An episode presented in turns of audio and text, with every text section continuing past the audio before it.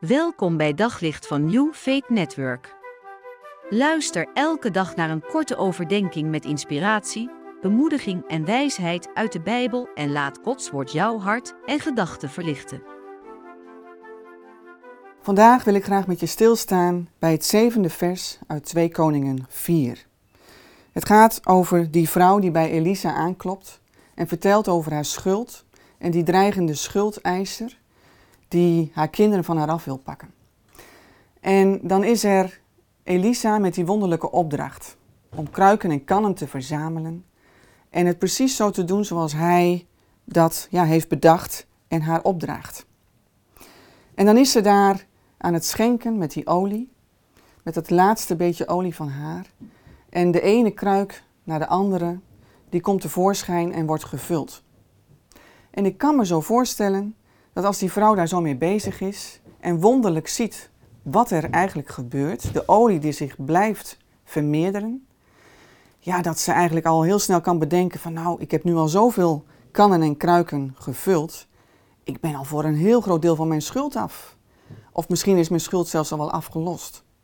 En toch gaat ze door. En ze gaat door met schenken, onophoudelijk. En dan is er die laatste kruik die ze ook zich vult en dan vraagt ze om de volgende en dan zegt haar zoon, er is niet meer. En terstond stopt de olie met vloeien. Deze vrouw, die, dat vind ik heel bijzonder, die blijft bij de opdracht van Elisa. Wat zou jij doen als je zoiets zou overkomen? Als een moeder van kinderen bijvoorbeeld, die je al heel lang geen kleren meer hebt kunnen kopen.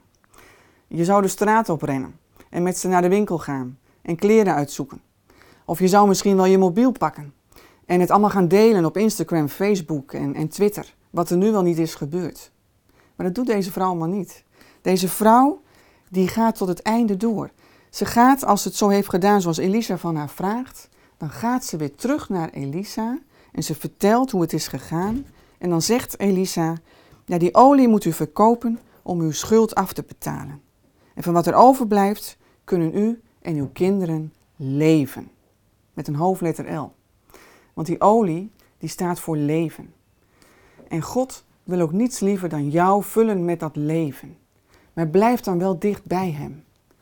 Het kan maar zo zijn dat als je iets ontvangt van God, een inzicht, wijsheid of misschien wel zijn droom of plan met jou, dat je daarin meegaat, maar dat je dan zo enthousiast wordt dat je eigenlijk ja, je eigen plannetje eraan vastknupt en je eigen weg gaat.